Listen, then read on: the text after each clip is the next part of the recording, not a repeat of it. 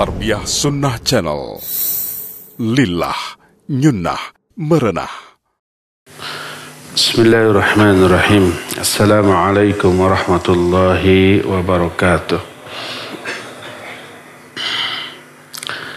Alhamdulillah wassalatu wassalamu ala Rasulillah wa ala alihi wa ashabihi wa mawalah bi ihsanin ila yaumil qiyamah wa ba'd Hadirin jamaah Masjid Raya Cipaganti Bandung yang Allah muliakan Alhamdulillah kita kembali berjumpa. Kita akan lanjutkan pembahasan jihad. Kita sudah membahas dua jenis jihad. Jihad melawan diri sendiri dan jihad melawan setan. Nah, jihad melawan dua pihak tadi itu fondasi untuk bisa berjihad melawan orang kafir dan orang-orang munafik. Bahkan berkata Imam Ibn Qayyim rahimahullah walamma kana jihadu a'da'illahi fil kharij far'an ala jihadil abdi nafsahu fi dhatillah. Kata Imam Ibn Qayyim jihad melawan musuh-musuh Allah dari luar. Itu orang kafir, orang munafik dan yang sejenisnya. Itu merupakan cabang dari jihad melawan diri sendiri. Jadi hakikat mujahid yang sebenarnya adalah orang yang mampu memenangkan jihad melawan diri sendiri sebelum berjihad melawan pihak luar. Dalam hal ini berkata Nabi Shallallahu Alaihi Wasallam, Al-mujahidu man jahada nafsahu fi ta'atillah wal muhajiru man hajara ma nahallahu anhu. Seorang mujahid yang sebenarnya adalah orang yang berjihad melawan diri sendiri dalam melakukan ketaatan kepada Allah supaya istiqamah di atas ketaatan untuk istiqamah perlu jihad melawan diri sendiri yang rinciannya sudah kita terangkan ada empat tingkatan di pertemuan yang lalu ya. Jihad melawan diri sendiri ketika belajar ilmu, ketika mengamalkan ilmu, ketika mendakwahkan atau mengajarkan ilmu, dan ketika bersabar di dalam Eh, menghadapi seluruh risiko dari mengajarkan ilmu tersebut. Itu sudah kita terangkan. Ya, Jihad melawan diri sendiri dan jihad melawan syaitan sudah kita jelaskan. Sekarang jihad melawan orang kafir. Jihad melawan orang kafir sudah diperintahkan oleh Allah sejak di Mekah ketika Nabi dan kaum muslimin amat sangat lemah. Dan ini sudah dipraktekkan oleh Nabi dan kaum muslimin tapi tidak dalam bentuk perang. Jihad tidak selalu dalam bentuk perang. Termasuk jihad melawan orang kafir dan orang munafik. Lihat surah Al-Furqan 52. Ini surah Makkiyah. Apa Makkiyah teh? Surah yang diturunkan di Mekah. Belum ada syariat kewajiban sholat, saum, zakat, haji. Belum. Hanya tauhid saja. Tapi jihad sudah diperintahkan.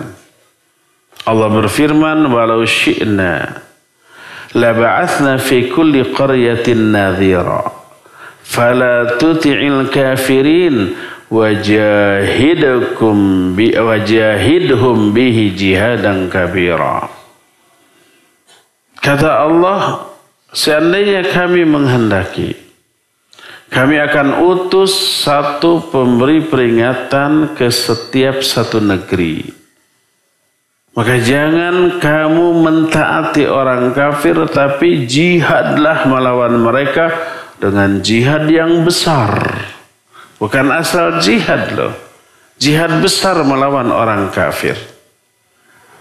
Itu surah Makkiyah. Juga dalam surah At-Taubah 73 Allah berfirman, "Ya ayuhan nabiyyu jahidil kuffar wal munafiqin waghludh 'alaihim wa ma'wahum jahannam wa bi'sal masir." Hai uh, Nabi, jihadlah kamu melawan orang kafir dan orang munafik. Waglud alaihim dan bersikap keras kepada mereka. Tempat mereka di jahanam. Dan itulah seburuk-buruk tempat kembali. Ini ayat pertama kali turun di Mekah. Lalu ketika di Madinah turun lagi dengan lafad atau susunan kalimat yang sama yang dicantumkan oleh Allah dalam surah apa? At-Tahrim. Ayat yang keberapa? Ayat ke cari dari ayat 1 sampai ayat 13. Kalau nggak salah ayat yang ke-9 ya. Ya ayuhan nabi, jahidil kuffara wal munafiqin waghludh alaihim. Itu pertama kali turun di Mekah. Sudah diperintahkan berjihad baik melawan orang-orang kafir ataupun orang-orang munafik. Berkata Imam Ibn Qayyim rahmatullahi alaih, "Fahadhi surah Makkiyah." Amara fihi bi jihadil kuffar bil hujjah wal bayan wa tablighil Qur'an. Wa kadzalika jihadul munafiqin innama huwa bi tablighil hujjah. Kata Imam Ibn Qayyim, ini adalah surah Makkiyah. Di dalamnya ada perintah berjihad melawan orang kafir. Dengan cara apa? Bil hujjah wal bayan wa tablighil Quran. Dengan hujjah. Dengan argumentasi. Dengan bayan. Dengan penjelasan. Dengan menyampaikan Quran. Ada enggak dalam Al-Quran? Isinya dialog dengan orang-orang kafir yang kontensnya debat. Dan salah satu isi debatnya ya menghinakan sesembahan-sesembahan mereka. Apakah mereka itu akan menyembah sesuatu yang tidak bisa memberi maslahat, madarat gitu ya?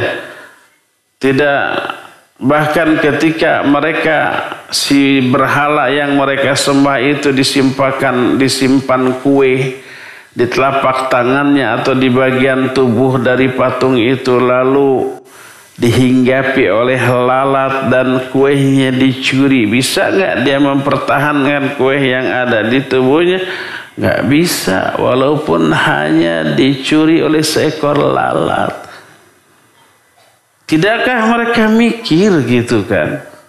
Ada perdebatan. Ini hujah, ini bayan, disampaikan Al-Quran dan itu jihad.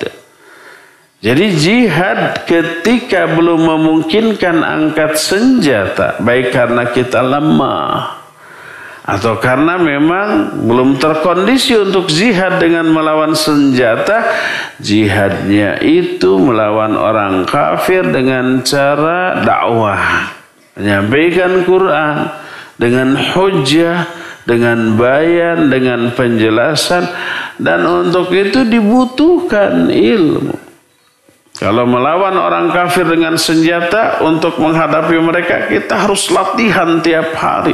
Latihan pedang zaman bahula namanya. Sekarang nggak akan laku pedang. Yang laku apa? Senapan gitu, bom kayak gitu. Kalau zaman lu pedang, tombak, panah, latihan, berkuda gitu. Kalau menghadap persiapan menghadapi jihad dengan tangan. Adapun persiapan jihad melawan orang kafir dan orang munafik dengan hujah, bayan, penjelasan ya dengan cara belajar terus. Pelajari Quran, pelajari sunnah, pelajari al-Islam ini, mempelajari sebagai persiapan jihad melawan orang kafir dengan hujah dan bayan adalah juga termasuk jihad. Makanya Rasul sallallahu alaihi wasallam menyatakan man kharaja min baitihi yaltamisu fihi ilman fahuwa fi sabilillah hatta yarji'a.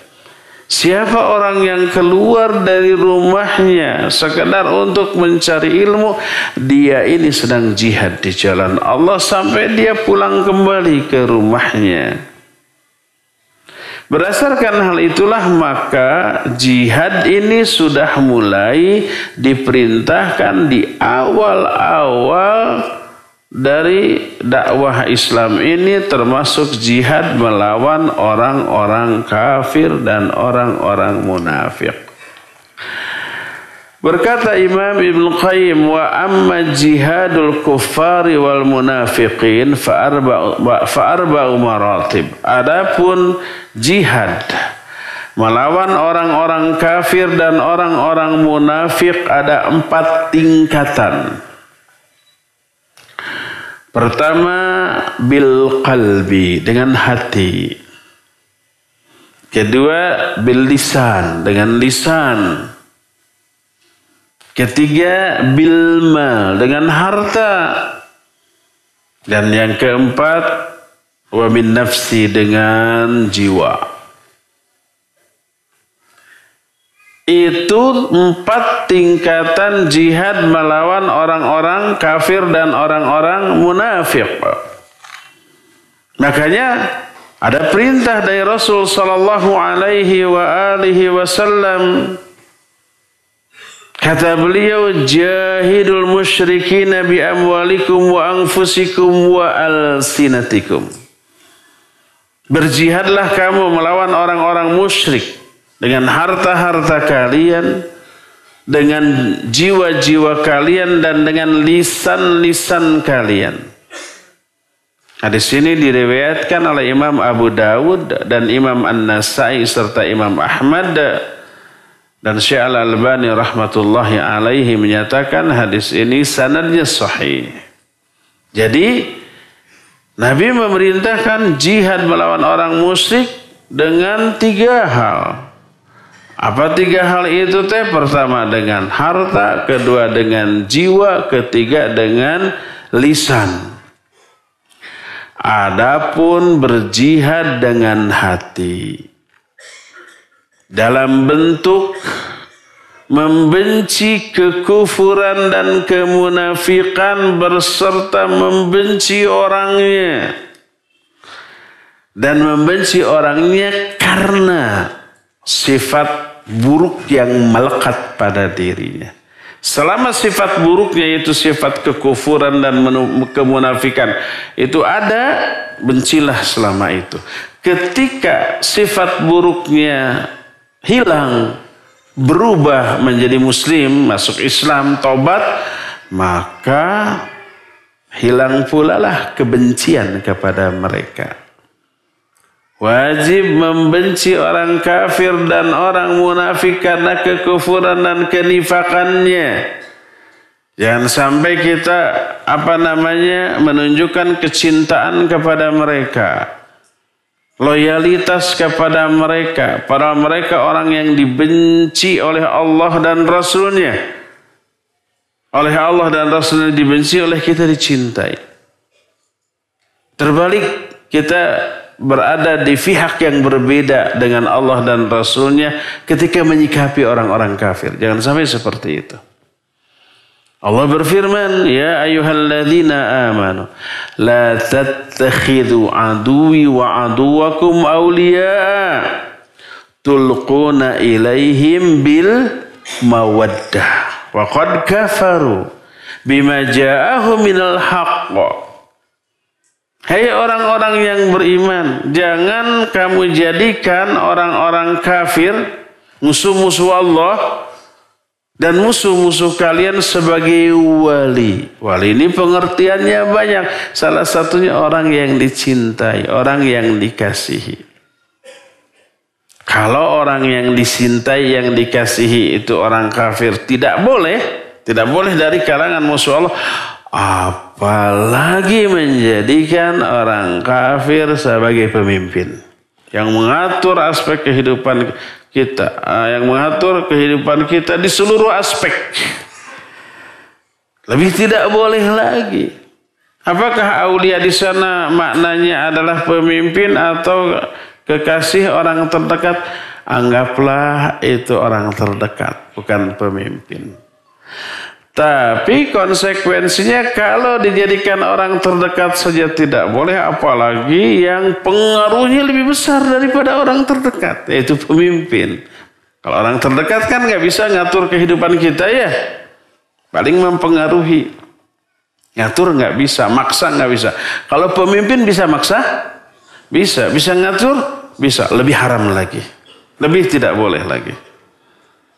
Jangan sampai oh di sana wali di sana kekasih bukan pemimpin jadi pemimpin mah boleh itu sama dengan wala taqul lahuma uf. Jangan kamu katakan uf kepada siapa? Orang tua. Kalau membentak gimana? Kalau nampar gimana? Kalau melotot gimana? Gak ada ayatnya tuh yang melarang itu. Jadi boleh apa begitu? Ya enggak. Uf saja sebagai kedurhakaan terenteng, terendah, terkecil. Sudah terlarang apalagi lebih dari itu. Kalau menjadikan orang kafir saja sebagai orang terdekat, sahabat karib, kekasih saja terlarang karena bisa mempengaruhi perilaku kita tapi nggak bisa maksa Nggak bisa umpam menekan. Apalagi lebih dari itu seperti pemimpin. Lebih haram lagi, lebih terlarang lagi. Tulquna ilaihim bil mawadah. Kamu menunjukkan kasih sayang kepada mereka. Nggak boleh. Waqad kafaru bima ja'akum haqq. Padahal mereka sudah kufur kepada kebenaran yang telah datang kepada kalian. Maka jihad melawan orang kafir dengan membenci kekafiran dan orang-orangnya selama kekafiran itu melekat pada diri mereka. Tidak memberikan kecintaan, tidak memberikan loyalitas, tidak ada kecenderungan. Dan tidak menjadikan mereka sebagai orang yang ditaati. Karena Allah berfirman, فَلَا تُتِعِلْ kafirin. Jangan kalian mentaati orang kafir. Maknanya jangan posisikan orang kafir sebagai orang yang harus kita taati. Posisi yang harus ditaati siapa? Pemimpin, ya enggak? Jangan jadikan. Kalau dijadikan harus ditaati. Allah menyatakan fala tuti'il kafirin. Jangan kamu mentaati orang-orang kafir. Oleh karena itulah maka jihad dengan hati melawan orang-orang kafir, orang-orang munafik dalam bentuk membenci mereka karena kekufuran mereka dan tidak memberikan menunjukkan kasih sayang, kecenderungan, loyalitas, ketaatan kepada mereka. Adapun bermuamalah dengan mereka boleh, tapi sebatas kepentingan sesaat jual beli boleh, tidak dilarang. Selama mereka itu bukan kafir, kafir harbi, bukan. Selama mereka tidak memerangi kita, adapun mereka membenci kita dalam hati ya pasti. Walan tarda angkal yahudu walan nasara hatta tattabi'a millatahum. Orang-orang Yahudi dan Nasrani tidak akan ridho kepada kalian sampai kalian mengikuti mereka mengikuti agama mereka, masuk ke, kepada agama mereka atau mengikuti kepada sistem mereka. Selama itu mereka nggak akan ridho. Dan itu sejak awal. Tapi dalam bermuamalah apakah Nabi SAW bermuamalah dengan Yahudi dan Nasrani? Iya. Jual beli, utang piutang, gadai menggadai, hadiah menghadiahi, iya. Untuk kepentingan sesaat. Ketika beliau wafat juga, baju besinya dalam keadaan tergadai kepada siapa? Kepada orang Yahudi. Tidak kepada sesama muslim. Menunjukkan boleh. Tapi sekali lagi, bermuamalah tidak berarti memberikan loyalitas. Bermuamalah tidak berarti menunjukkan kecintaan. Allah berfirman, la ينهاكم anil عن lam yuqatilukum fid din wa lam yukhrijukum min diyarikum an an apa? An tuqsitu atau an tabarru ilaihim wa tuqsitu wa tuqsitu ilaihim. Itu dalam surah apa? Al-mumtahanah. La yanhakumullahu anil ladzina kafaru. Allah tidak melarang kalian untuk berbuat baik kepada orang kafir yang tidak memerangi kalian. Walam tukhrijukum min diarikum dan tidak mengusir kalian dari negeri kalian. Antabarruhum wa tuqsitu ilaihim untuk berbuat baik kepada mereka dan berbuat adil kepada mereka. Tidak melarang. Boleh berjual beli. Tapi kan mereka kafir musyrik. Eh dari zaman dulu juga kafir musyrik. Tapi kan mereka sekarang memusuhi Islam. Eh, emang zaman dulu enggak gitu? Memusuhi Islam. Tapi kan Yahudi dan Nasrani sekarang dalam hatinya benci ingin memerangi kaum muslimin. Emang Yahudi dan Nasrani zaman dulu enggak begitu gitu? Sama. Al-Quran membolehkan. Innama yanhaakumullah 'anil ladzina yuqatilukum fid din wa yukhrijukum min diyarikum. Allah hanyalah melarang kalian dari orang-orang kafir yang memerangi kalian, mengusir kalian dari negeri kalian dan membantu orang lain dalam mengusir kalian. Nggak boleh itu bermuamalah sama mereka. Sama orang-orang kafir harbi itu nggak boleh. Tapi orang kafir yang tidak memerangi kita secara bohir boleh. Walaupun mereka benci dan ingin memerangi kita di dalam hati mereka, iya. Jadi berjihad melawan orang kafir dan munafik dengan membenci mereka tidak menunjukkan kasih sayang dan loyalitas kepada mereka, tidak menjadikan mereka sebagai orang terdekat, apalagi pemimpin bagi kita, tapi seluruh poin tadi tidak menghalangi kita untuk bermuamalah dalam kepentingan-kepentingan dunia. Ingat muamalah dalam bentuk jual beli, bisnis, pinjam meminjam. Tidak berarti kita loyal kepada mereka. Tidak berarti kita cinta kepada mereka. Seringkali kita berjual beli dengan orang yang tidak kita kenal ya. Apakah setiap kita beli di warung, di minimarket kita kenal orangnya? Enggak. Cinta kepada mereka? Enggak. Tuwau-wau acan. Jadi muamalah tidak menunjukkan adanya cinta dan kasih sayang kita kepada partner muamalah kita sama sekali. Adapun jihad dengan lisan kepada mereka adalah dengan menjelaskan kebenaran, membantah kesesatan dan kebatilan mereka dengan hujah dan argumentasi ilmiah yang bisa dipertanggungjawabkan ketika mereka melontarkan kritik kepada isi Al-Quran, isi hadis atau sunnah Nabi Shallallahu Alaihi Wasallam, baik karena kedengkian mereka atau yang pasti karena kebodohan mereka tentang ajaran Islam. Ya kita bantah.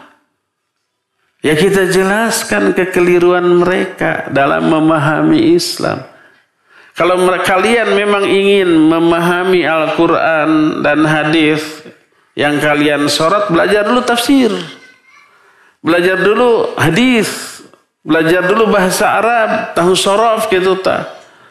Ketika dalam proses itu tahunan, nggak bisa setahun dua tahun, dibimbing oleh ahli, bisa masuk Islam tuh. Karena kaidah, formula dan ketentuan yang ditetapkan dalam ulum syariah, ilmu-ilmu syari seperti usul fiqih, ilmu fiqih, ilmu hadis, musalul hadis, ilmu tafsir, itu begitu detil dan rinci yang tidak ada ilmu seperti sedetil itu di dalam agama lain. Mereka akan terapa? Tercengang. Wah, wow, sedetil ini. Berdasarkan hal itulah, maka bila mereka mempelajari Islam dengan sebenarnya secara objektif, pasti akan dapat hidayah. Adapun dengan kacamata kekufuran mereka, dengan konsep berpikir yang didasarkan pada akidah mereka, lalu menyoroti satu dua ayat, satu dua poin di dalam Al-Quran atau hadis atau ajaran Islam, ya pasti pastilah terdapat benturan antara kaidah berfikir mereka dengan ayat dan hadis. Akhirnya semua ayat dan hadis yang mereka baca akan dianggap keliru dalam pikiran mereka. Kan begitu, ya. Ketika mereka mengkritik Islam, Quran, hadis bantah dengan ilmiah. Tidak perlu emosi, ya dan bisa dibalikan. Kalau keyakinan kalian yang begitu, begitu, begitu, hujahnya mana? Hujah akliyahnya mana? Nggak masuk akal. Kata mereka, kami hanya mengimani dengan hati, bukan dengan akal. Tidak masuk akal tapi masuk di hati. Jawab, kalau kami ya masuk akal ya masuk hati. Semua yang dijelaskan dalam Quran adalah rasional, masuk akal. Walaupun perkara-perkara gaib adalah perkara-perkara yang memang harus dikonsumsi secara penuh oleh hati. Yang tidak bisa diakal-akali. Iya. Itulah jihad melawan orang-orang kafir. Dakwahi mereka. Kemudian bantahlah kesesatan-kesesatan mereka. Bongkarlah penyimpangan-penyimpangan mereka. Bagaimana kalau begitu membongkar penyimpangan mereka, mereka tersinggung terus menuntut secara pidana kepada kita. Gimana tuh? Ya resiko atau gimana lagi? Itu main di arena hukum aja. Kita kan berbicara internal di hadapan kaum muslimin. Kita sedang menjelaskan apa? Menjelaskan akidah kaum muslimin di komunitas muslim, di hadapan muslim, di masjid, di rumah Allah yang hanya dimasuki oleh muslim. Tidak untuk orang lain. Menjelaskan akidah Islam otomatis menyinggung agama lain. Coba kul huwallahu ahad. Allahus samad terus lam yalid wa lam yulad wa lam yakul lahu kufuwan ahad. Ada enggak agama lain yang meyakini Allah punya anak? Ketika ayat ini dibahas tersinggung enggak mereka? Ya pastilah. Apa ayat ini haram untuk di, dijelaskan walaupun di dalam masjid, di dalam lingkungan internal kaum muslimin apa haram apa tidak? Karena menyinggung agama lain. Ya enggak internal. Kecuali kalau ngomong di luar ya beda lagi. Jadi banyak ayat dan hadis yang isinya menyinggung, melecehkan agama lain dan itu harus. Tapi kalau zaman Nabi SAW langsung dikemukakan kepada orang-orang kafir di hadapan mereka agar mereka itu apa? Agar mereka itu sadar. Dan saat itu tidak ada hukum yang bisa menjeratnya.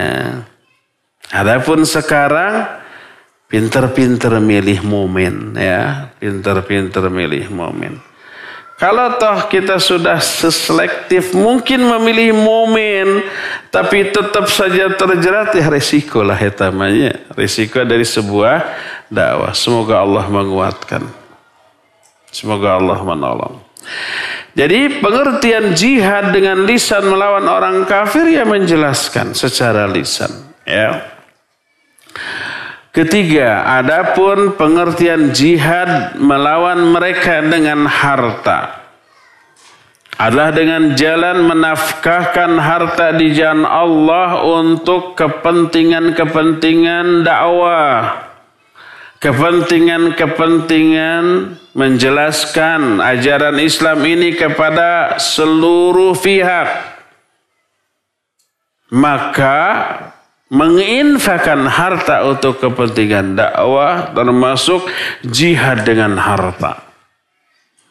Dan itu yang merupakan bisnis yang tidak akan pernah rugi bisnis dengan Allah Azza wa Jalla yang akan menyelamatkan kita dari azab. Kau menyebutnya bisnis ya memang itu Allah yang menyatakan demikian. Banyak orang yang memahami Islam dengan akal dan perasaan. Salah satunya adalah kalau ibadah itu jangan perhitungan banget kepada Allah pahala dan dosa ini pahalanya gede. Udahlah ibadah kayak bisnis saja. Memang ibadah ini bisnis.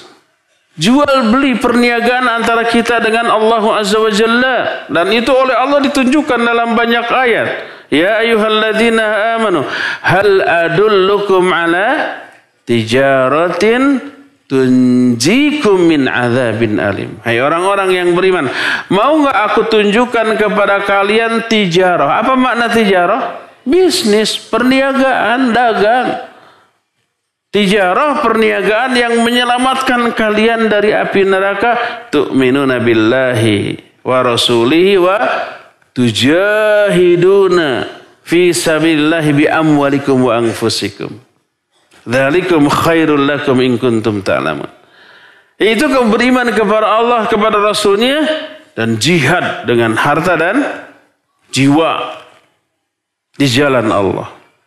Itu jauh lebih baik bagi kalian kalau kalian mengetahui.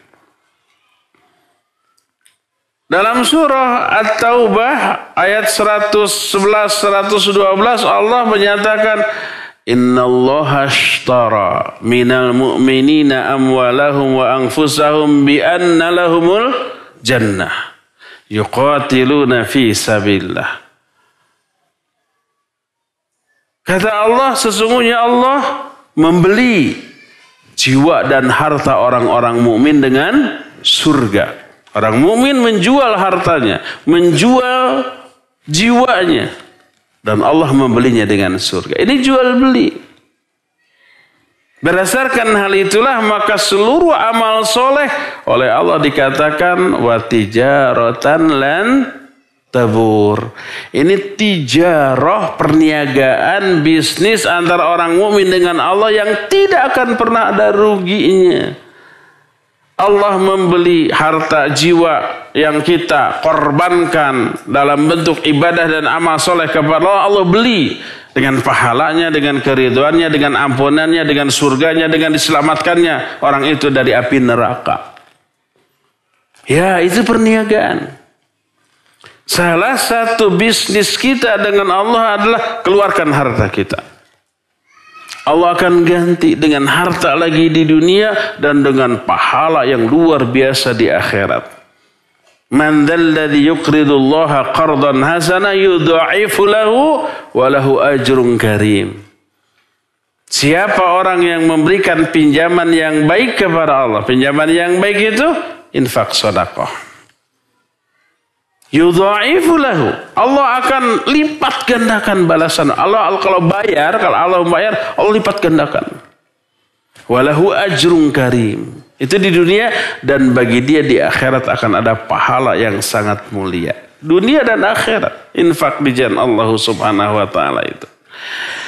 Nah itu kata Allah perniagaan yang menyelamatkan dari api neraka. Tunjikum min adzabin alim tu'minuna billahi wa rasuli wa tujahiduna fi sabilillahi bi amwalikum wa anfusikum.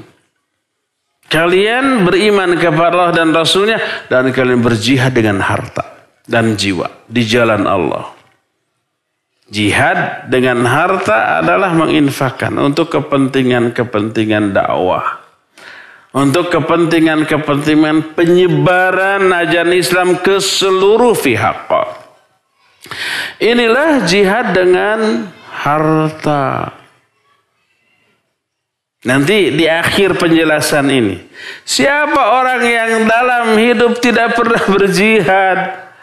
Dengan lisan, dengan harta, dengan jiwa matinya itu cabang dari kemunafikan loh. Sekarang jihad kita melawan orang kafir, orang munafik tidak dengan tangan, tidak dengan senjata, tapi dengan apa? Dengan jiwa dan harta dan lisan. Lisan dalam bentuk menjelaskan, termasuk belajar ilmu. Hartanya dalam bentuk infak dan sodakoh kepada kepentingan-kepentingan dakwah. Jiwanya ya dalam bentuk terlibat langsung dalam kepentingan-kepentingan dakwah. Itu jihad kita zaman sekarang di saat tidak ada perang melawan orang kafir. Tetap jihadnya diperintahkan dalam bentuk yang lainnya. Itulah jihad dengan harta. Adapun jihad dengan jiwa adalah perang dengan senjata di saat yang memang kondisi mengharuskan melakukan hal itu. Memungkinkan untuk dilakukan hal itu. Allah berfirman, "Wa qatiluhum hatta la takuna fitnah wa yakuna ad-dinu lillah fa in intahu fala udwana illa 'alal zalimin." Perangi mereka sampai tidak ada lagi fitnah. Fitnah yang dimaksud syirik dan kufur. Tidak ada lagi kekufuran, tidak ada lagi syirik. Dan seluruh din agama, seluruh penghambaan, seluruh penyembahan, seluruh peribadatan lillah. Hanya kepada Allah.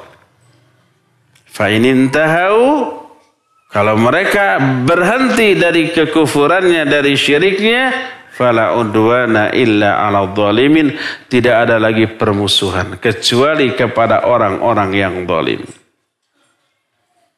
Itu surah Al-Baqarah ayat 193 tuh. Dalam ayat lain, dalam surah At-Taubah ayat 29, Allah juga berfirman, قاتلوا الذين لا يؤمنون بالله ولا باليوم الآخر ولا يحرم ما حرم الله ورسوله ولا يدينون دين الحق من الذين أوتوا الكتاب حتى يعطوا الجزية عن يد وهم صاغرون Perangilah orang-orang yang tidak beriman kepada Allah dan Rasulnya Perangilah orang-orang yang tidak beriman kepada Allah, tidak beriman kepada hari akhir, tidak mengharamkan apa yang Allah haramkan eh, dan juga yang tidak ya, yang diharamkan oleh Rasulnya, tidak beragama dengan agama yang benar dari kalangan ahlul kitab sehingga mereka memberikan jizyah secara kontan dalam keadaan mereka terhina. Ini jihad dengan tangan. Dengan angkat senjata. Orang yang tidak beriman kepada Allah, tidak beriman kepada hari akhir, tidak mengharamkan apa yang Allah dan Rasulnya haramkan, tidak beragama secara uh, benar, perangi. Kalau takluk, tapi tetap kekeh petekeh dengan keyakinannya, biarkan. Tapi suruh bayar jizyah an yadihim. An yadin. Itu kontan tidak boleh ditransfer. Tidak boleh mengirim utusan nih. Jizyah saya tolong kirimkan tuh ke pemimpin kaum muslim. Enggak. Harus yadin dibawa oleh tangan mereka sendiri dalam keadaan mereka terkuasai. Tapi ingat jihad dengan tangan ini fase terakhir setelah dilakukannya jihad dengan tiga poin sebelumnya. Jihad dengan hati dulu, jihad dengan lisan, dan jihad dengan harta. Sebelum memungkinkan perang dengan senjata, lakukan dulu jihad yang tadi. Belajar tentang Islam. Sebarkan Islam. Debat dengan mereka dengan cara yang baik dan sangat ilmiah. Jauh dari mencela. Jauh dari apa namanya uh, emosi. Kalau mencelanya itu berefek buruk mereka balik mencela agama kita. Jangan.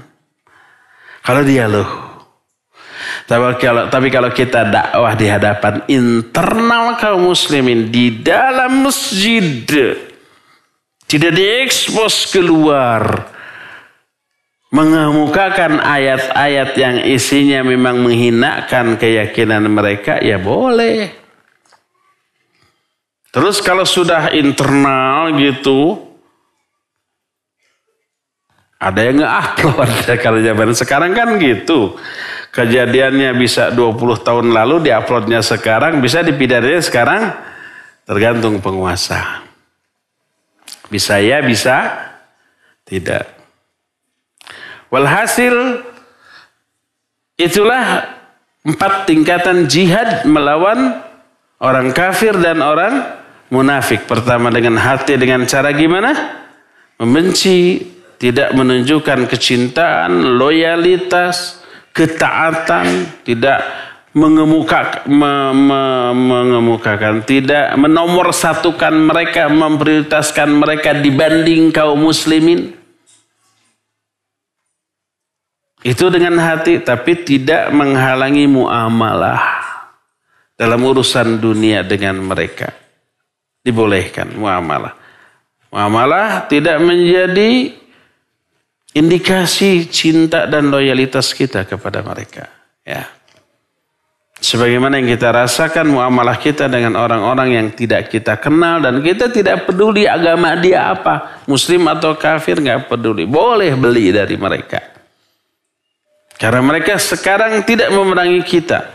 Adapun mereka membenci kita karena agama kita dalam hati tapi di, tidak dikemukakan, ya itu pasti nggak masalah tetaplah bermuamalah.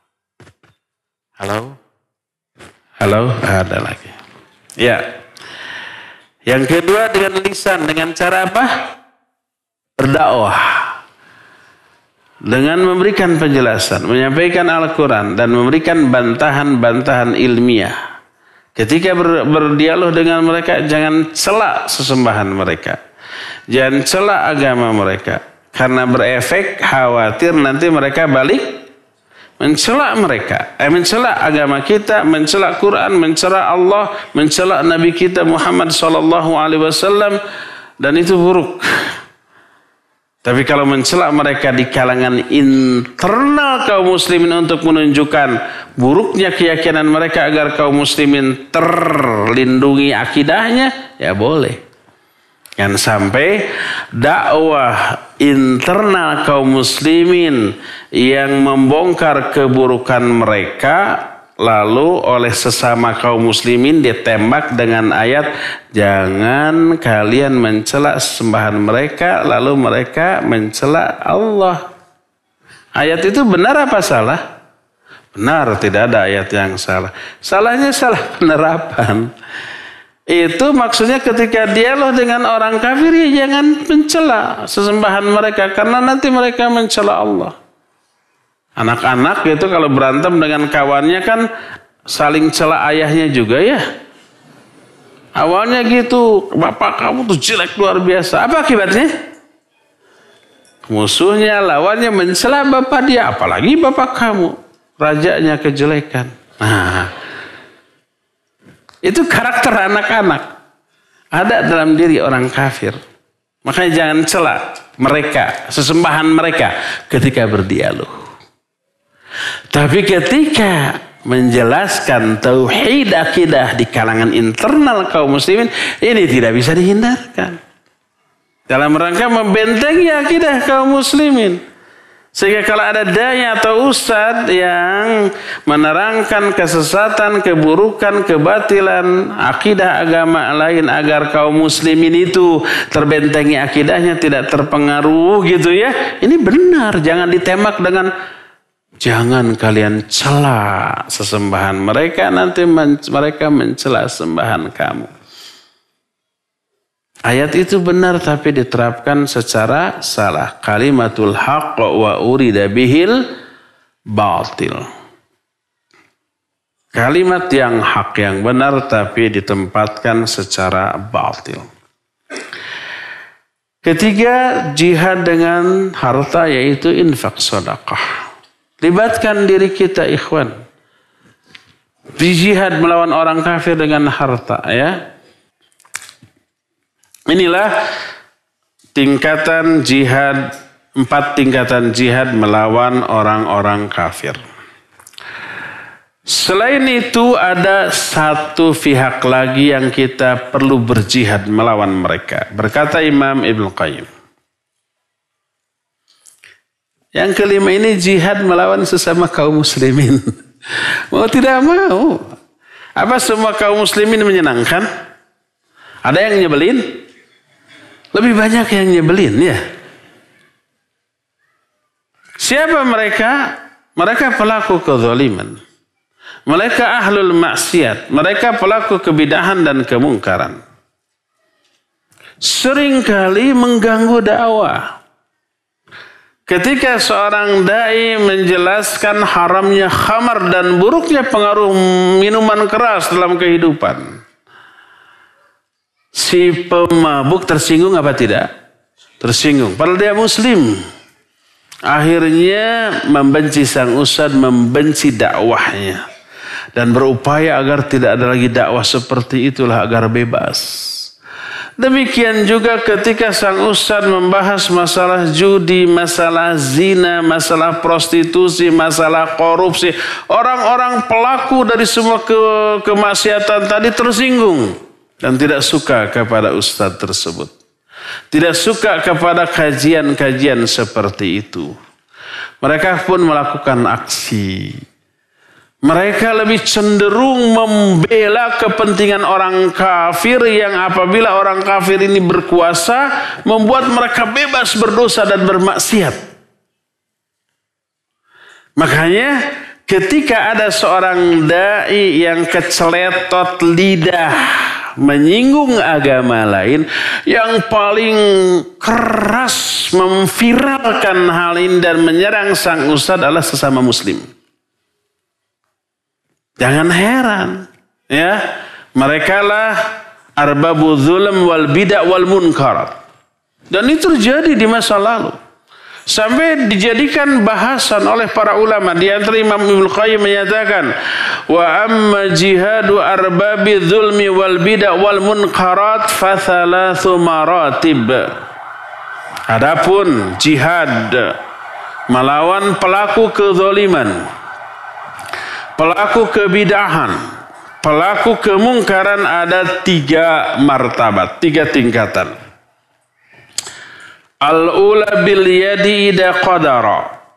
Fa in ajaza intakhala ila lisan fa in ajaza jahada bi qalbih fa hadhihi thalathatu ashar martabah minal jihad. Pertama adalah dengan tangan bila mampu rubah itu kezaliman, kebidahan, kemungkaran itu dengan tangan. Cegah, larang mereka. Bila ada yang mau mabuk, dinasihati terlebih jangan mabuk, mudah-mudahan berhenti. Kalau enggak, kita rebut. Kalau dia nonjok, menghindar, ya, nonjok lagi, menghindar lagi, nonjok lagi, menghindar lagi, sampai enggak bisa menghindar, enggak bisa lari, ah, apa boleh buat? Keluar jurus. Maka sang dai di saat kepepet bisa berubah menjadi seorang pendekar. Jangan bikin dai kepepet. Nanti berubah dia. Kalau mampu, lakukan dengan tangan. Kalau tidak mampu, dengan lisan. Lisan juga tidak berani, jihadlah dengan hati. Dengan cara mengingkari itu dengan hati. Membenci perbuatan itu. Tidak meridhoi perbuatan itu. Ingat, jihad dengan hati tidak berarti hati ikut menikmati. Ah, saya tidak bisa mencegah dengan lisan, tidak mencegah bisa tidak bisa mencegah dengan per, perbuatan. Udah hati aja ya, tidak setuju tapi menikmati. Nggak boleh. Harus ada benci. Harus ada rasa tidak suka. Harus ada rasa uh, tidak meridhoi terhadap hal itu. Ya. Inilah ketiga belas tingkatan jihad. Dari mulai jihad melawan diri sendiri ada empat tingkatan. Ya. Kemudian jihad melawan setan dua tingkatan. Jadi enam. Terus jihad melawan orang-orang kafir dan munafik ada empat. Enam tambah empat berapa? Sepuluh. Dan yang terakhir jihad melawan sesama muslim. Tapi muslim yang ahlul kabair.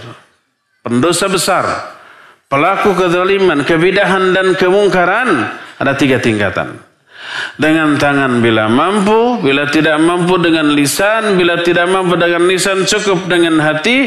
Sehingga total jenderal tingkatan jihad ada 13.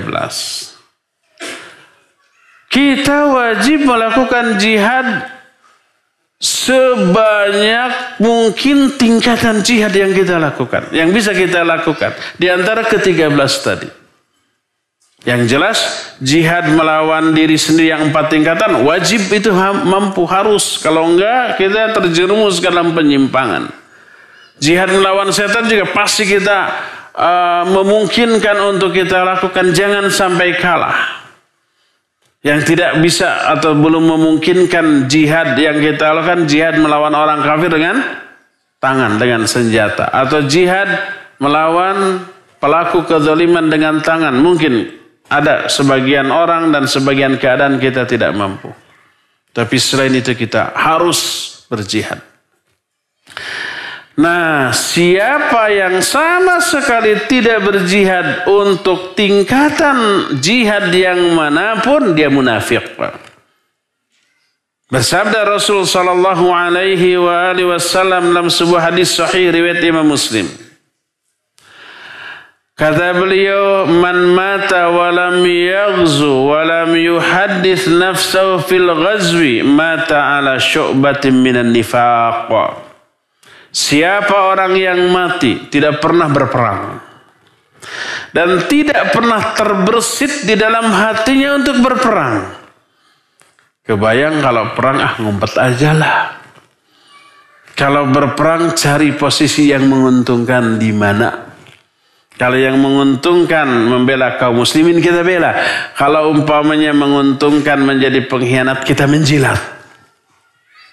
Akhirnya dia menjadi pengkhianat, penjilat bagi musuh. Padahal dia muslim. Bahkan sebelum perang dengan tangan pun sebagian kaum muslimin yang lebih dominan membela kepentingan orang kafir dengan menjilat orang kafir sudah ada. Apalagi nanti kalau peperangan itu sudah ada, sudah terjadi, maka orang-orang seperti itu sangat besar kemungkinan menjadi pengkhianat bagi saudaranya sama muslim. Kata Nabi SAW, Man mata walam yakzu, siapa orang yang mati dan tidak pernah berperang walam yuhaddits nafsahu fil ghazwi. Tidak pernah terbersit dalam hatinya untuk berperang. Mata syu'b mata ala syu'bati minan nifaq. Maka matinya di atas salah satu cabang kemunafikan. Hadis ini diriwayatkan oleh Imam Muslim diterima dari Abu Hurairah radhiyallahu an. Selain Imam Muslim, Imam Abu Daud dalam kitab sunannya dalam Kitabul Jihad bab karahiyatu tarkil ghazwi meriwayatkan hadis ini dengan sanad yang sahih juga Imam An-Nasai dalam kitab sunannya. Hadis ini sahih yang menunjukkan bahwa orang yang tidak pernah terbersit untuk jihad sampai mati maka dia orang munafik. Inilah penjelasan tingkatan-tingkatan jihad yang 13. Nah, sekarang kita ada jeda fase waktu dari beberapa tingkatan jihad. Jihad melawan diri sendiri dan jihad melawan setan itu terus berlangsung tiap waktu, tiap saat. Tapi jihad melawan orang kafir nggak setiap saat. Ada jeda waktu. Apa yang harus kita lakukan tuh sebelum jihad melawan orang kafir? Terlebih jihad dengan tangan. Bahkan jihad dengan lisan, dengan hati pun dengan orang kafir banyak dilakukan oleh kaum muslimin tetapi gagal total. Karena tidak melakukan satu langkah harus yang harus dilakukan setelah jihad melawan diri sendiri, melawan setan sebelum jihad melawan orang kafir dalam empat bentuknya, empat tingkatannya yang harus dilakukan dulu. Apakah ini sedang viral sekarang? Hijrah. Jihad tidak bisa dilakukan tanpa hijrah. Makanya pembicaraan kita berikutnya adalah tentang hijrah. Selasa depan nggak akan sekarang. Sekarang sudah habis waktu untuk menjelaskan. Sudah satu jam. Jadi cukup sampai di sini saja. Tema yang akan datang adalah tentang hijrah di jalan Allah ya hijrah sebelum jihad ya. Cukup sampai di sini wasallallahu ala nabiyina Muhammadin wa ala alihi wa ashabihi wasallam. Pertanyaan pertama.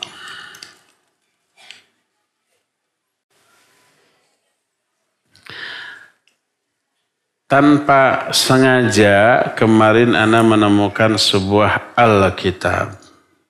Lalu Anda melihat sedikit isinya yang ada di dalamnya. Apakah Anda berdosa karena telah melakukan hal tersebut? Maksud Alkitab itu kitab agama lain gitu, Injil gitu. Ya kalau sekedar melihat, apalagi tak sengaja, tidak apa-apa, tidak masalah. Ya, yang terlarang adalah membawa-bawanya untuk dipelajari. Khawatir kelemahan dan kebodohan kita menyebabkan kita terpengaruh. Kalau ada waktu luang jangan baca itu baca Quran, baca buku-buku Islam. Jangan baca itu. Khawatir terpengaruh. Makanya ketika Umar bin Khattab radhiyallahu an membawa Taurat, terlihat oleh Nabi saw beliau marah, direbut lalu menyatakan fawallahi laukana Musa hayyan. Demi Allah seandainya Musa masih hidup tidaklah halal bagi dia kecuali mengikuti aku. Ya jadi memilikinya untuk dipelajari jangan. Kalau ada waktu untuk mempelajarinya lebih baik gunakan untuk mempelajari Islam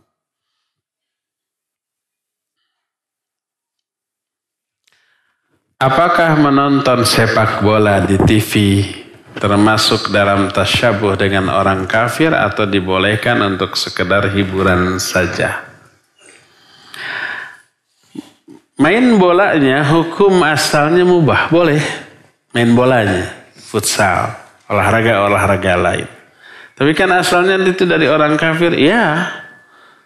Tapi tidak lagi menjadi ciri khas orang kafir. Tidak lagi menjadi ciri khas orang kafir. Semua orang melakukannya, ya. Kalau umpah kita terlarang melakukan segala hal yang berasal dari orang kafir, maka kita nggak boleh pakai HP, nggak boleh pakai mobil, motor gitu, karena semua berasal dari mana? Dari orang kafir. Selama itu tidak menjadi ciri khas orang kafir, maka tidak apa-apa. Mubah hukum asalnya bisa bernilai ibadah kalau niat main bola futsal itu benar. Contohnya apa? Dia mau melatih refleks dia, fisik dia, kebugaran dia untuk kepentingan ibadah. Kalau umpamanya tidak olahraga, loyo, nggak bisa bangun tahajud, tidak bisa saum Senin Kamis, Gak bisa lama-lama duduk ketika kajian. Akhirnya memble dia. Maka fisik saya harus kuat. Harus olahraga. Salah satunya main bola atau futsal atau main badminton atau yang sejenisnya boleh. Dan bisa berarti dosa kalau niatnya keliru, niatnya salah, apalagi ada tumpangan, ada judi.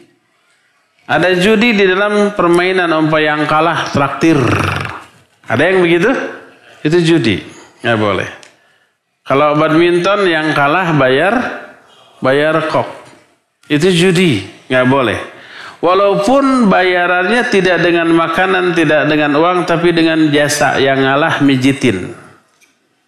Yang kalah harus menggendong. Itu judi, nggak boleh. Ini tidak ada unsur judi. Bahkan, ayo silakan kok saya yang tanggung. Makan minum siapa makan uh, minum silakan seenaknya mau nanti saya yang bayar. Bagus, gak masalah. Ya, bayar lapang biar saya yang tanggung. Gak masalah. Asal jangan begitu. Itu hukum asal mainnya mubah. Sekarang bagaimana nontonnya? Dulu saya suka nonton bola, sekarang tidak. Alhamdulillah tidak diberikan. Walaupun umpamanya yang main timnas dengan orang lain. Enggak, kamu elehan madu harorean ninggalin ya. Kalau umpamanya ada fanatisme yang berlebihan. Seperti umpamanya kalau menang euforianya uh, luar biasa. Kalau kalah sedihnya sampai membenci negara tetangga yang sama-sama muslim. Coba sekarang umpamanya seseorang muslim hidup di negara kafir di Belanda umpamanya. Ada kan orang muslim Belanda, termasuk orang Indonesia yang hidup di Belanda muslim. Itu fanatismenya kepada timnas Belanda gede loh. Ketika timnas Belanda berhadapan dengan Saudi. Pilih mana dia? Lebih pro ke mana? Rata-rata ke timnasnya. Karena ada fanatisme eh, nasionalismenya ada. Agama sudah tidak lagi jadi bahan pertimbangan. Lebay ya, tidak boleh.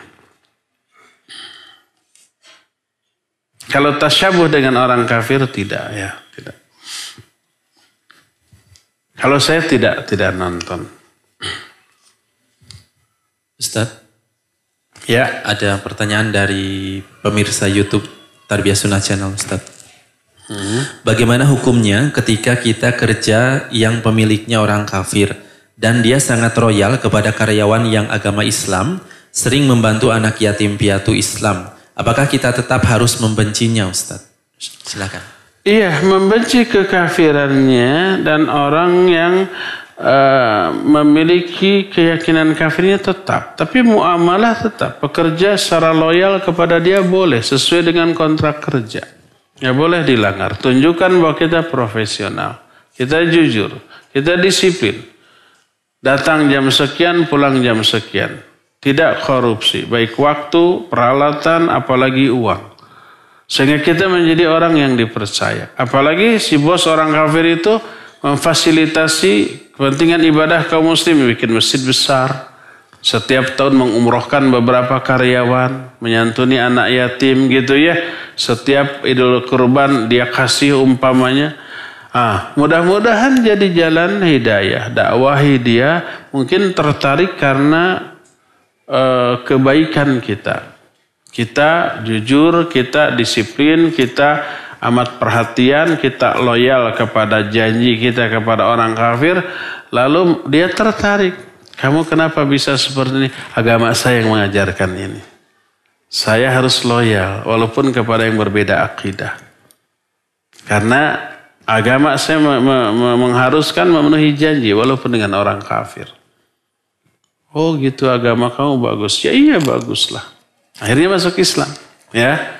Pernah nggak saya cerita seorang dokter orang Cina, entah agamanya apa, masuk Islamnya karena kemuliaan akhlak seseorang ketika dia bekerja di rumah sakit di Malaysia, dia kesulitan uang. Ada dokter kawannya orang Malaysia Muslim memberi dia.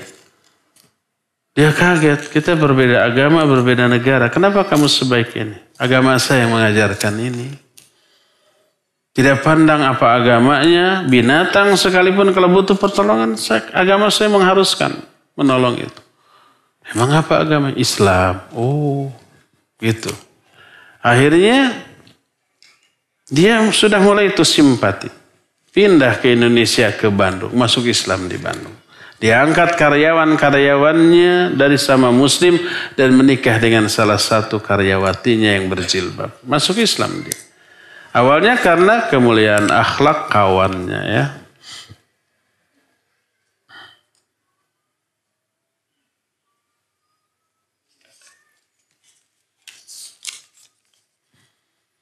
Apakah membenci orang yang menentang dakwah salaf itu termasuk jihad? Perbuatannya iya. Selama dia memiliki karakter itu ya jangan apa namanya menunjukkan wala kepada dia, loyalitas kepada dia, bergaul rak, akrab dan bersahabat dekat jangan. Tapi sekali lagi tidak menghalangi muamalah dengan orang seperti itu.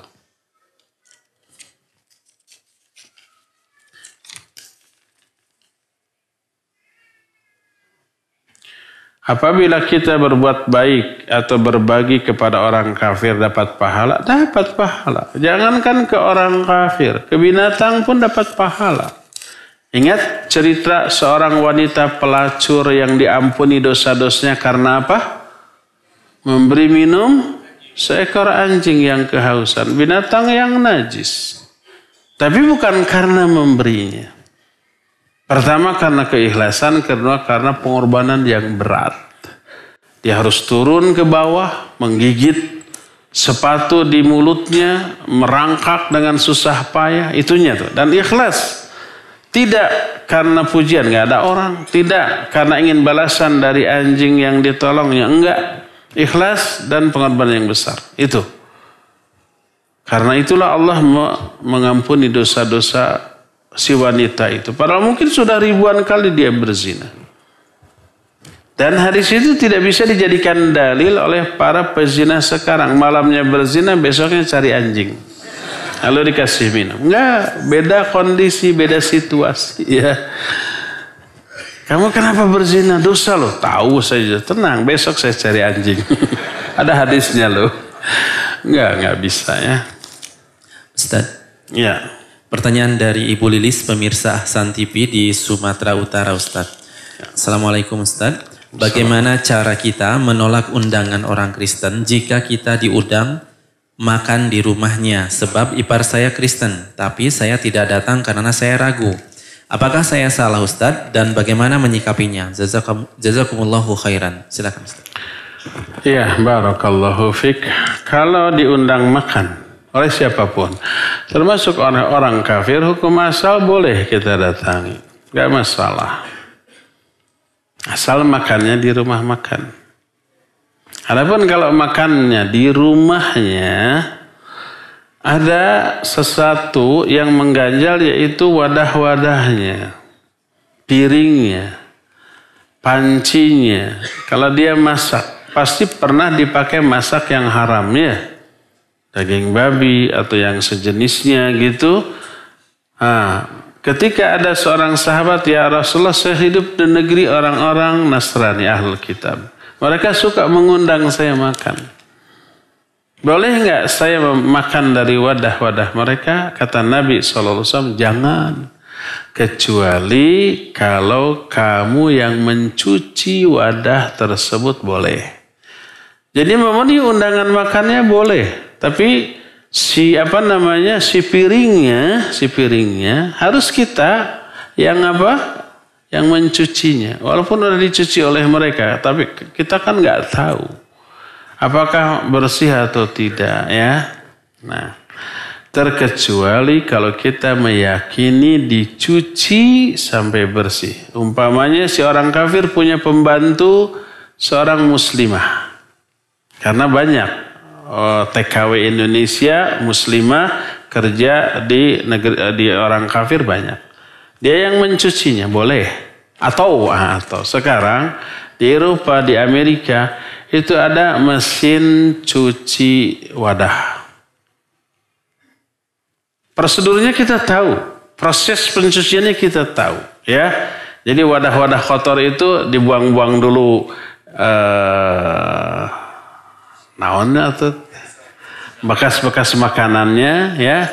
Terus simpen di wadah di di rak. Di rak di dalam mesin cuci itu ada rak-raknya. Seperti rak di kita ya. Terus ditutup. Nah terus diproses. Diguyur dulu dengan air. Airnya air panas. Nah setelah itu kemudian diganti bilas dengan air sabun setelah air sabun, cuci kayak nyuci pakaian gitu proses, prosesnya. Ya. Nah, sampai terakhir air panas. Jadi begitu beres keluar jangan langsung diambil nggak jeletot. Tahu nggak jeletot apa? Panas ngebul. Jadi kuman-kumannya juga mati. Kita tahu proses cucinya boleh. Tapi kalau manual kayak begini jangan ya. Nah, jadi kalau kita diundang oleh orang kafir untuk makan makanan, kalau di restoran datang. Tapi kalau di rumahnya bawa wadah sendiri. Atau usulkan, jangan di rumah lah, di restoran aja. Dia bilang, pilih restoran terbaik. Ah, boleh ya. Jadi memenuhi undangannya boleh, tapi makan dari wadah mereka itu yang dipermasalahkan.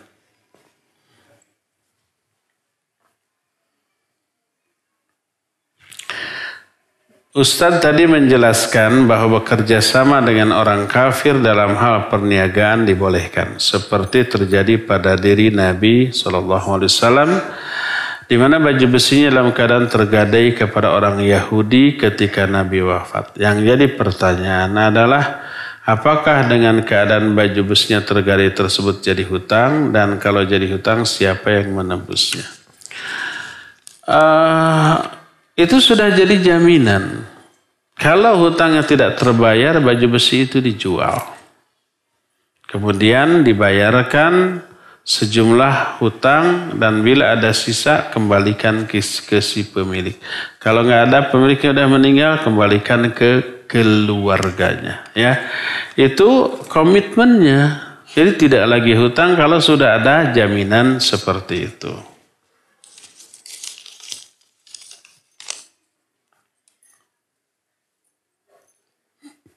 Bagaimana cara memberitahu kepada orang yang menginginkan adanya musik pada suatu video? Saya sebelumnya sudah bilang agar tidak memakai musik, tapi orang tersebut bilang percaya kepadaku.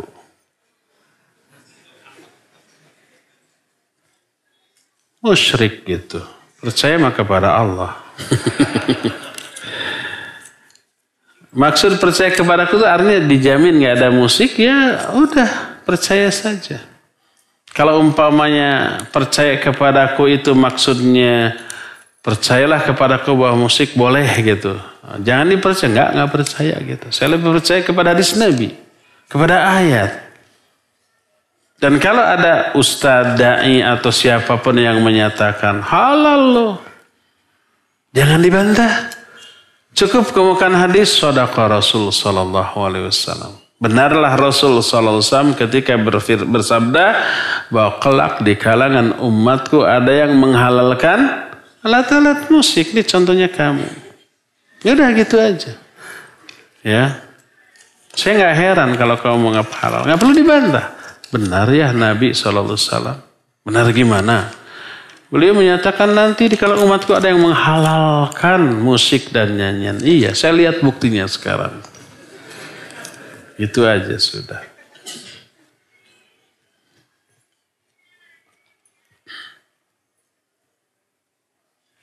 Bagaimana dengan profesi sopir, tukang kebun, pembantu selama bekerja dengan orang kafir? Apa termasuk loyalitas kepada mereka?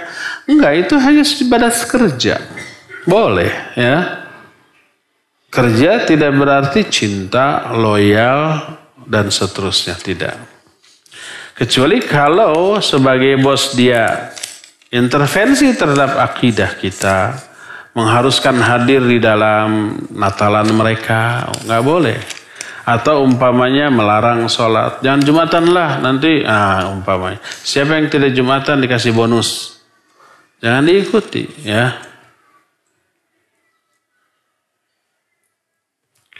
Boleh nggak berobat ke dokter tapi non muslim? Hukum asal boleh.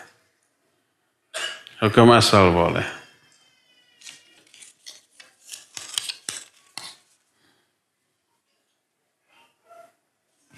Apakah bersilaturahmi dengan saudara kafir diperbolehkan? Boleh. Apa punya adik, kakak yang masih kafir, ya boleh kita saling mengunjungi. Orang tua masih kafir, ya kunjungi. Tetap berbuat baik dan dakwahi mereka. Anda pernah mendengar kodok sholat. Apakah betul kodok sholat bisa mengganti ketinggalan kealfaan kita? Betul. Contoh umpamanya kita tidur jam 11. Bangun-bangun jam 4. Ada yang kelewat? Ada yaitu sholat zuhur. Qadha di waktu asar. Jangan sampai ya udahlah duhur mah besok juga ada lagi. Nggak boleh.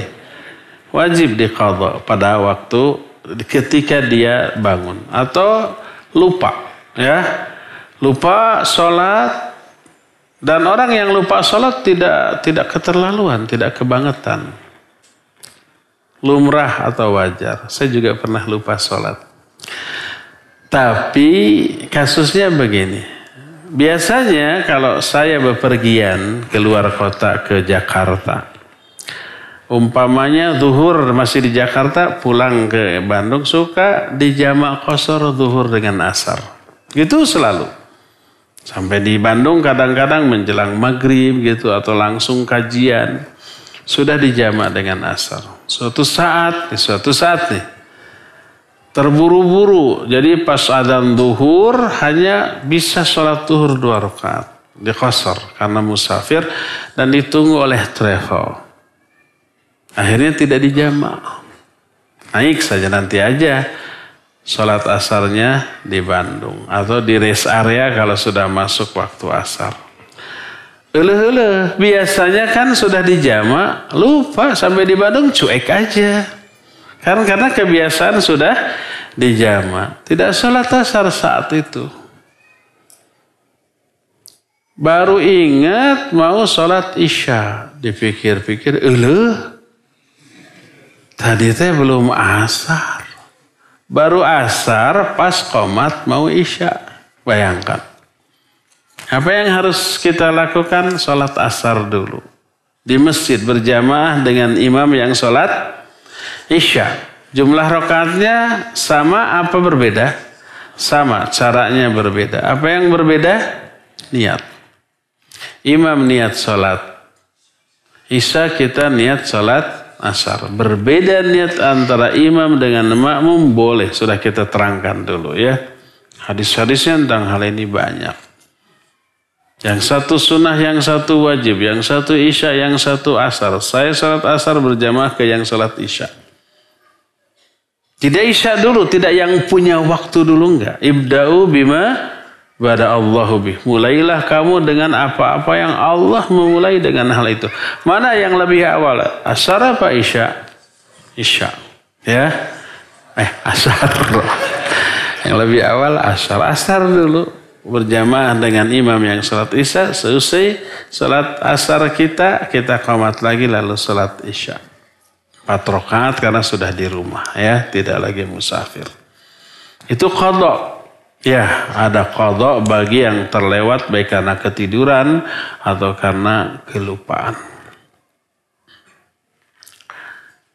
Bagaimana kalau umpah kita berjamaah belum sholat maghrib berjamaah ke imam yang sholat isya? Ada kasus begitu? Ada. Saya juga pernah ya. Jadi waktu itu ke Pekanbaru ya. Jadi dari turun dari pesawat langsung dijemput langsung ke masjid. Di masjid sudah adzan isya. Saya belum maghrib. Nah, lalu berjamaah dengan imam yang sholat isya, saya sholat maghrib. Jumlah rakaatnya beda apa tidak sama? Beda dan tidak sama. Isya mah empat, kita mah tiga. Apa yang harus kita lakukan? Isya dulu, maghrib dulu, maghrib dulu. Ya. Apakah harus masuk ke rakaat kedua? Enggak, enggak boleh masuk ke rakaat kedua. Apalagi kita sudah di depan soft yang pertama. Walaupun telat, biasanya Ustaz di depan. Akhirnya kita sholat maghrib berjamaah dengan imam yang salat isya dari awal takbiratul ihram. Kasus ini pernah terjadi di zaman Nabi dan para sahabat? Tidak, tidak pernah. Ini masalah ijtihadiyah. Dan masalah ini pernah ditanyakan.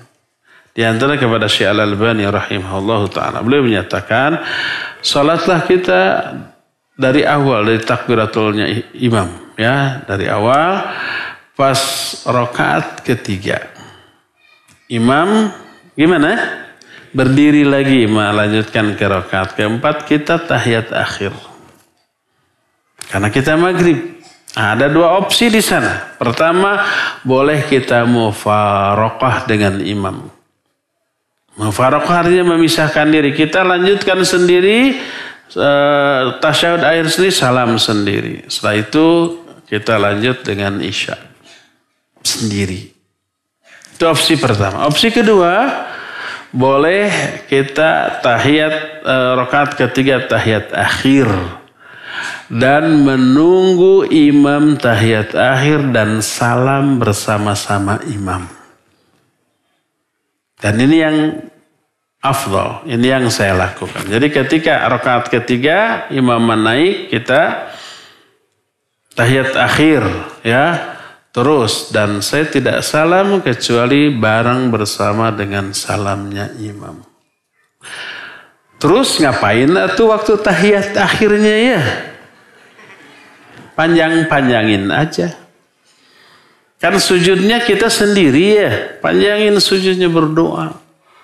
Baca semua doa yang kita hafal dalam bahasa Arab yang diambil dari Quran dan Sunnah. Silakan.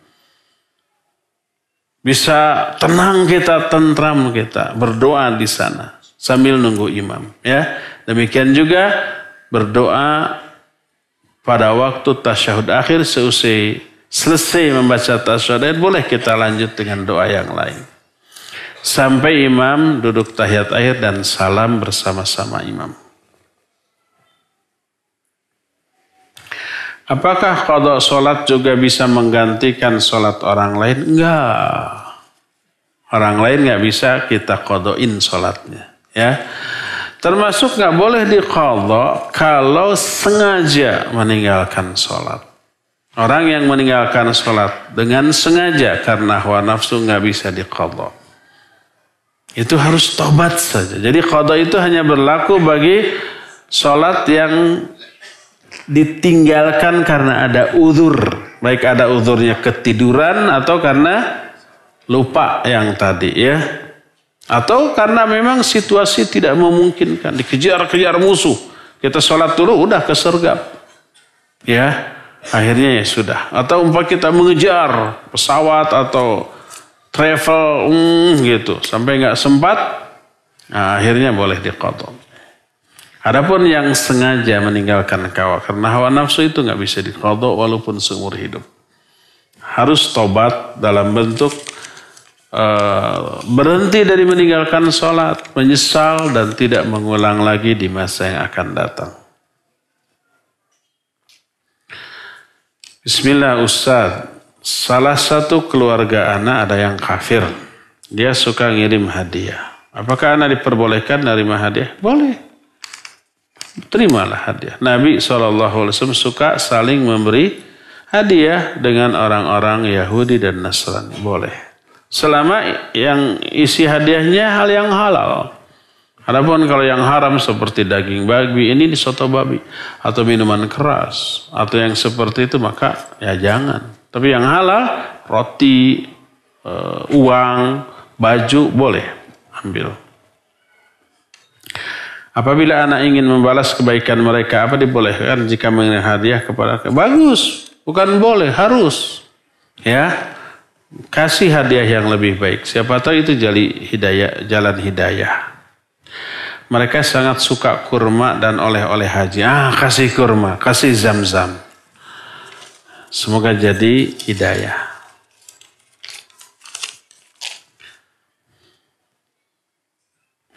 Jika kita diundang pernikahan teman orang kafir, apakah wajib datang? Tidak, tidak wajib datang.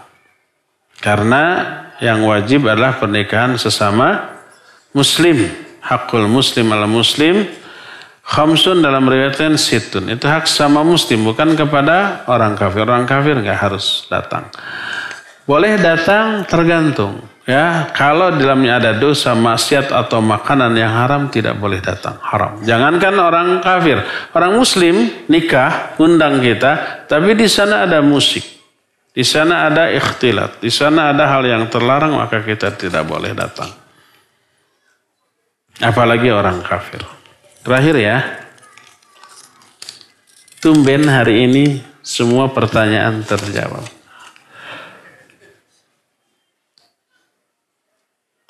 Bagaimana hukumnya berobat ke psikolog yang non muslim? Jangan. Psikolog itu ya Pertama, kalau psikolog yang ada di sini ya, mengambil teori psikologi dari orang kafir, orang ateis. Machiavelli, Sigmund Freud yang menghalalkan segala cara. Seringkali bertolak belakang dengan nas ayat teori-teori yang mereka tetapkan. Akhirnya mereka itu memberikan terapi yang kadang-kadang bertolak belakang dengan ajaran Islam. Sebagian psikolog ada yang menggunakan terapi tenaga dalam. Ada yang menggunakan terapi sulap yang seperti itu, maka jangan. Apakah boleh mempelajari ilmu psikologi? Ya psikologi penting. Wa fi anfusikum afala tubsirun. Dan tentang jiwamu, tidakkah kamu perhatikan? Al-Quran penuh berisi teori psikologi. Amalan hati yang kita bahas setiap hari Kamis, termasuk Selasa pagi ini, ini berkaitan dengan masalah psikis kita. Jadi psikologi sesuatu yang sangat penting, asal sumbernya dari Quran dan Sunnah. Yang jadi masalah adalah pelajaran psikologi yang diajarkan di kampus-kampus bersumber dari teori yang dibikin oleh orang ateis, oleh orang kafir. Akhirnya melahirkan terapi yang keliru, yang salah. Maka saya tidak anjurkan untuk berkonsultasi kepada psikolog. Baik non-muslim ataupun yang muslim tapi lulusan psikologi umum ya. Ya cukup sampai di sini. Kita insya Allah berjumpa kembali selasa yang akan datang.